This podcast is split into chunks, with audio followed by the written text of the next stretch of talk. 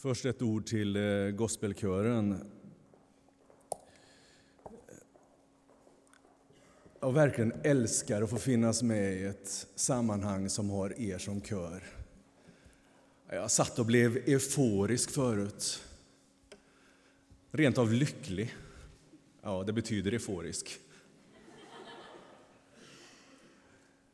Då tänker jag på gamla farmor Karin i Skåre som kommer till eh, ungdomarna. Vi hade dragit igång ett eh, rockcafé.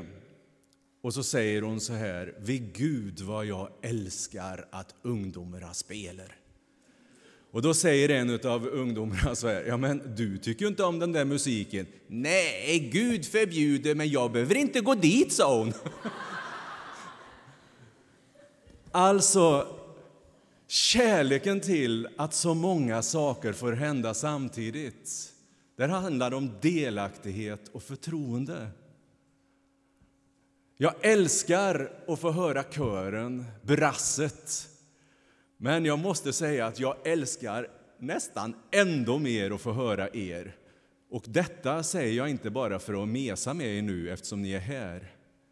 Utan ni uttrycker en framtid som jag är så lycklig över. Nu har jag sagt det.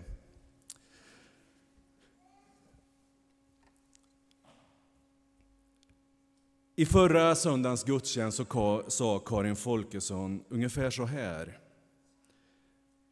Vi behöver idag en församling som vågar visa sina brister. hon inledde den här temagudstjänsterna som Jakob nämnde om om att dela tron. Alltså det handlar om delaktighet och förtroende. Och jag håller med henne helt och fullt. Och om ni inte var med på den gudstjänsten, lyssna gärna på nätet. Hennes predikan var bra. Vi behöver mötesplatser där sår möter sår.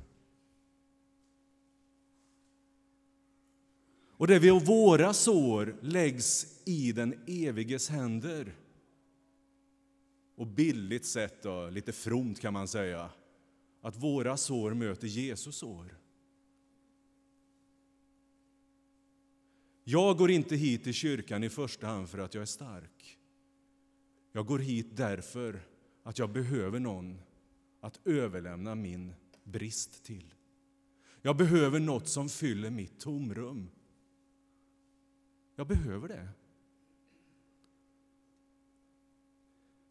Evangelisten Johannes skriver i sitt evangelium i det tionde kapitlet om att Jesus är grinden till fåren. Alltså inte staketet. Ofta har vi i kyrkan och frikyrkan anklagats för att vara just staket som ska hindra oss från att göra fel grejer. Man pratar om skapade syndakataloger. Och när jag kom med i kyrkan på, i mitten på 70-talet, så var jag, jag tror det var 1976, så var jag i Betlehemskyrkan i Karlstad på något som hette Anska, Anskariföreningens årsmöte. Det låter hejdlöst, va? Det var nämligen ungefär som distriktsmötet. Eh, och så var det paus och så står jag och väntar vid toaletten och ni som är känsliga nu håller för öronen och ni som är nyfikna lyssnar.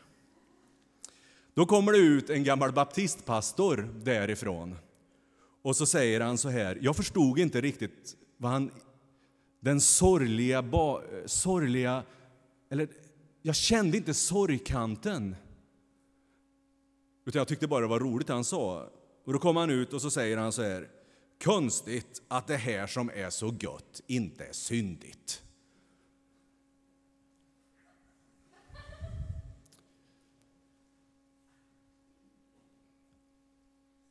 Och jag insåg att i hans värld så fanns det med att om någonting var glädje så börjar man fundera på om det var syndigt. Fattar ni?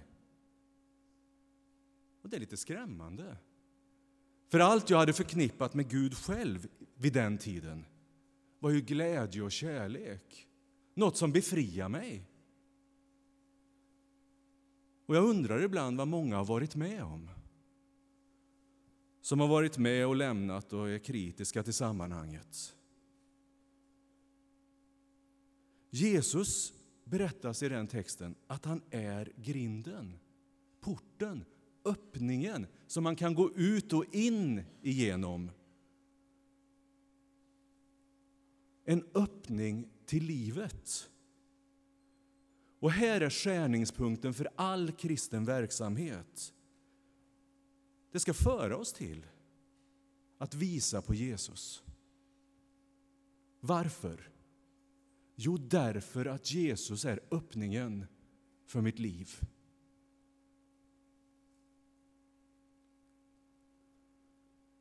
Jag kommer att ställa en hypotetisk fråga idag.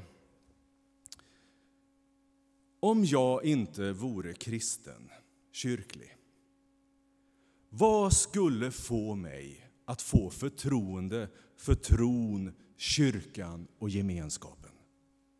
Vad skulle få mig att dela tron med er i Immanuelskyrkan i Jönköping?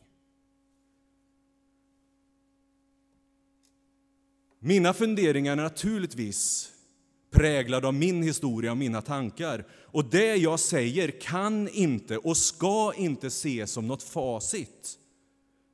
Utan det jag vill är att vi ska fundera.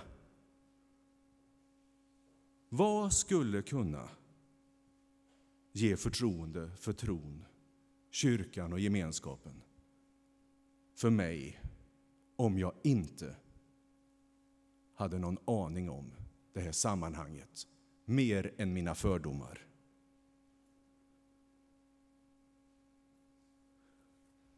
Brottas inte vi med den frågan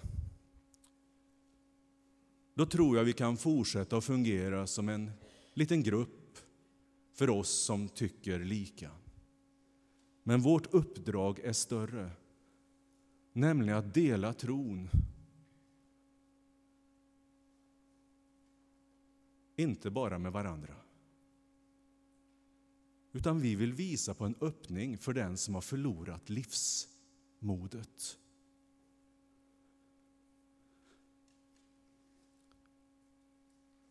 Blunda bara en liten, en liten stund, 20 sekunder ungefär tar det. Och kanske du själv som är här just nu inte är du inte någon kristen eller kyrklig så, så, så, så gäller ju frågan lika väl för oss. Alltså, vad skulle få mig att få förtroende för det här sammanhanget? Och jag kan säga, jag hade aldrig kommit i närheten av kyrkan om det inte hade funnits scouter tonår och framförallt en ungdomskör. Men bara blunda nu och tänk. Vad skulle kunna få mig att få förtroende för tron, kyrkan och gemenskapen? Vad skulle kunna få mig att dela tron med gemenskapen Immanuelskyrkan, Jönköping.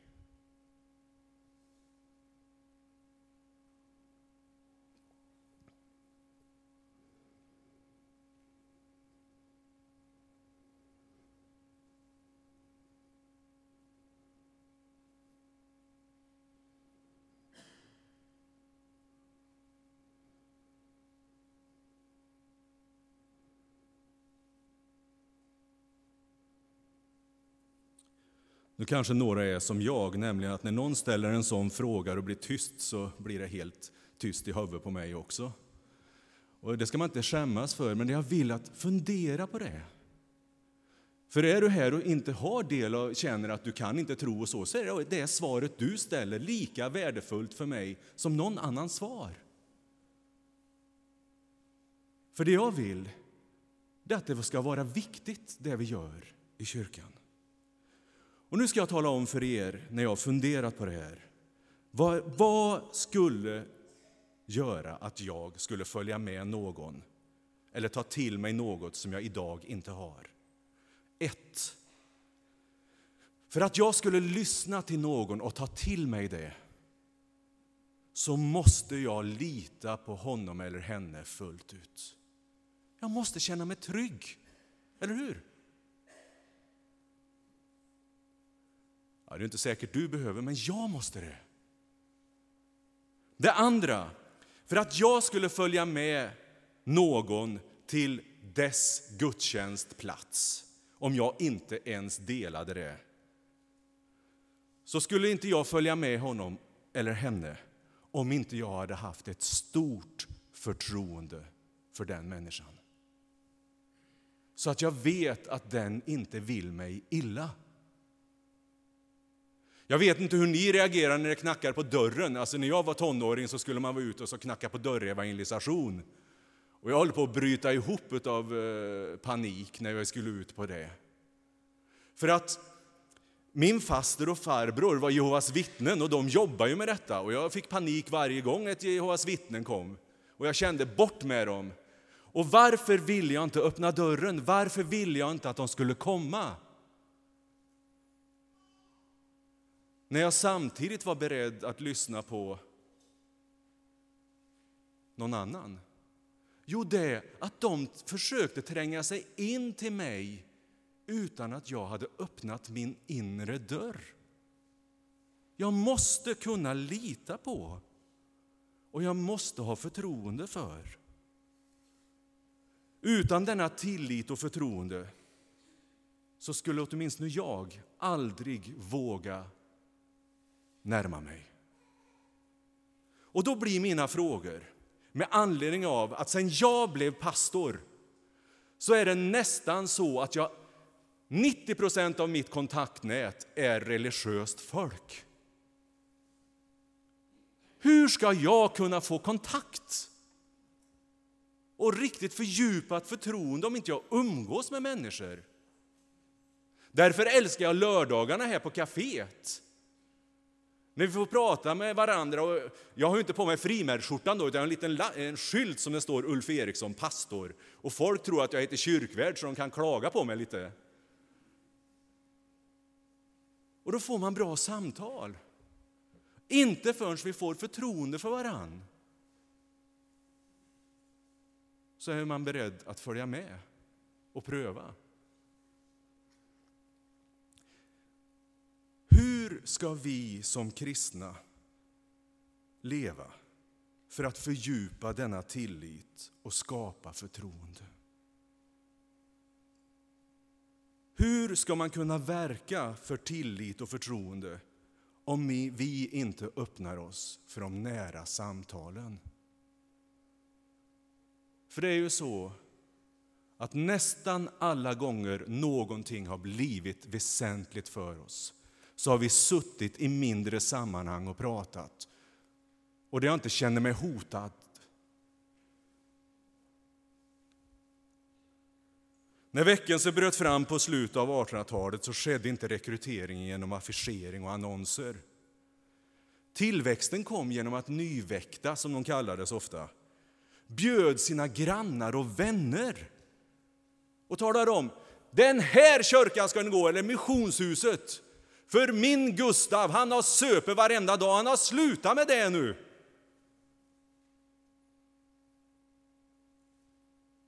Alltså, han har funnit något som gör att jag inte längre får stryk. Han har funnit något som gör att inte ungarna lider. Alltså den typen av omtumlande händelser var stora. För många, de flesta, var det väl betydligt mindre skäl. Man ville lyssna, det svara mot ett behov och så sa man kom, det är jättebra detta. Och jag vet ju inte hur vi känner. Vi säger kom så går vi till gudstjänsten på söndag, det är jättebra.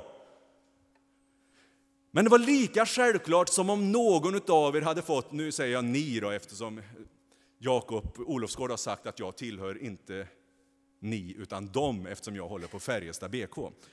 Mm. Inbjudan är lika självklar som om du hade fått en biljett över till en HV-match. Inte hade det varit svårt att locka med någon på en samling. Eller till matchen, menar jag. Det skulle vara jag då. Om det inte var Färjestad. Samtidigt kan man liksom bli lite förytligare när man säger sådär. Men min dröm är att det ska vara så viktigt, det vi jobbar med, att det är självklart. För jag vet faktiskt inte vad min granne går igenom just nu i sitt äktenskap, med sin hälsa. Kanske just den skulle behöva en öppning i sitt liv. Varför är det så svårt för mig att fatta att någon skulle vilja dela den tro jag har? Jesus säger att han är vägen, sanningen och livet. Och Det innebär i min värld att hyckleri är den raka motsatsen till Jesus. Samtidigt som jag vet att de flesta av oss blir nog småhycklare emellanåt på olika sätt. För man vill ju rädda sitt ansikte. Men Jesus säger att räds inte sanningen. Jag var helt överrumplad när jag mötte av den kärlek jag mötte när jag kom till kyrkan. De sa till mig så här, ja, vi har ju en ganska dålig gemenskap i vår församling. Och jag tänkte, men, och så tog jag en svordom, hur i all sin dar har ni det då när det är en bra gemenskap? Jag tyckte det var fantastiskt. Och tanterna, jag ska bli tant när jag blir stor. Ja, men tant är inte könsbundet, utan det är de här goda ögonen som ger mig saft, som ger mig värme, som tycker om att jag är där. Jag ser fram emot att få bli en tant. Alltså jag var så överrumplad av denna kärlek. Och lika lycklig som jag var av det bemötandet blev jag beklämd när jag så småningom hörde så många säga att eh, det här med kyrkan funkar inte för mig längre eh, sen jag skilde mig.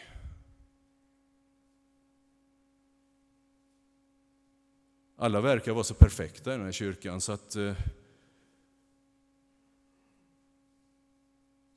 jag, jag, jag vill inte gå nu med min depression.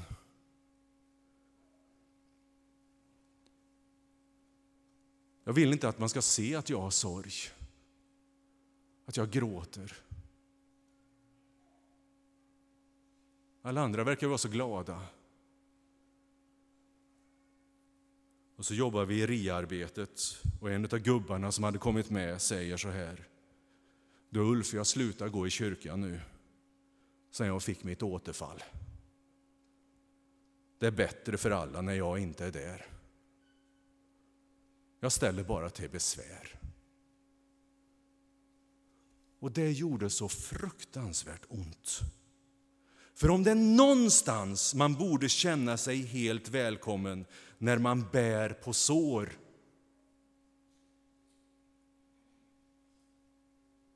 så är det väl i kyrkan.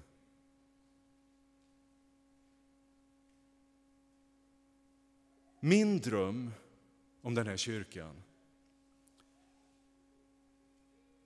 där jag vill dela tron är en församling med människor med goda ögon. Och det kan man småträna på. Varje gång man blir grinig på någon så bestämmer man sig för nu ska jag inte se grinigt på henne, nu, ska jag, nu vill jag tycka om den istället. Där respekt och värme är ledorden, där fördragsamhet, överseende och förlåtelse råder framför klagande. Där man aldrig behöver säga vad konstigt att du aldrig är här på våra gudstjänster den gången man kommer. Utan man får höra vad roligt det är att se dig. Ja, men nu är det ju faktiskt ett år sedan. Ja, men det är roligt ändå. Förstår ni attityden som jag tror är Jesu attityd? Jag vill ha en kyrka där man får komma med sina brister, sin smärta, sitt missbruk, sin separation och mötas av människor som vet, och varenda en av oss vet här, att det är inte lätt att vara människa. Och då ska vi inte låtsas som om det är lätt. Människor som inte är rädda för mina sår utan låter mig i mina tårar, min rädsla, min brist trevande få stappla fram till den Jesus som kanske är min enda öppning. Här får vi gråta. Här får vi skratta. Här finns det ögon av respekt. Jag har sett dem här i Immanuelkyrkan. Här finns det nåd och förlåtelse för den som vill dela. Jag har sett det också. Här vet vi att inget, varken död eller liv, varken änglar eller andemakter, varken något som finns eller något som kommer, varken krafter i höjden eller krafter i djupet eller något annat i skapelsen ska kunna skilja oss från Guds kärlek. Inte ens mina misslyckade relationer, inte ens mitt missbruk, inte ens, nämn det själv, inget. Och det är inte mitt löfte, det är Bibelns löfte. Inget kan skilja dig från Guds kärlek. Det vill vi dela idag. Amen.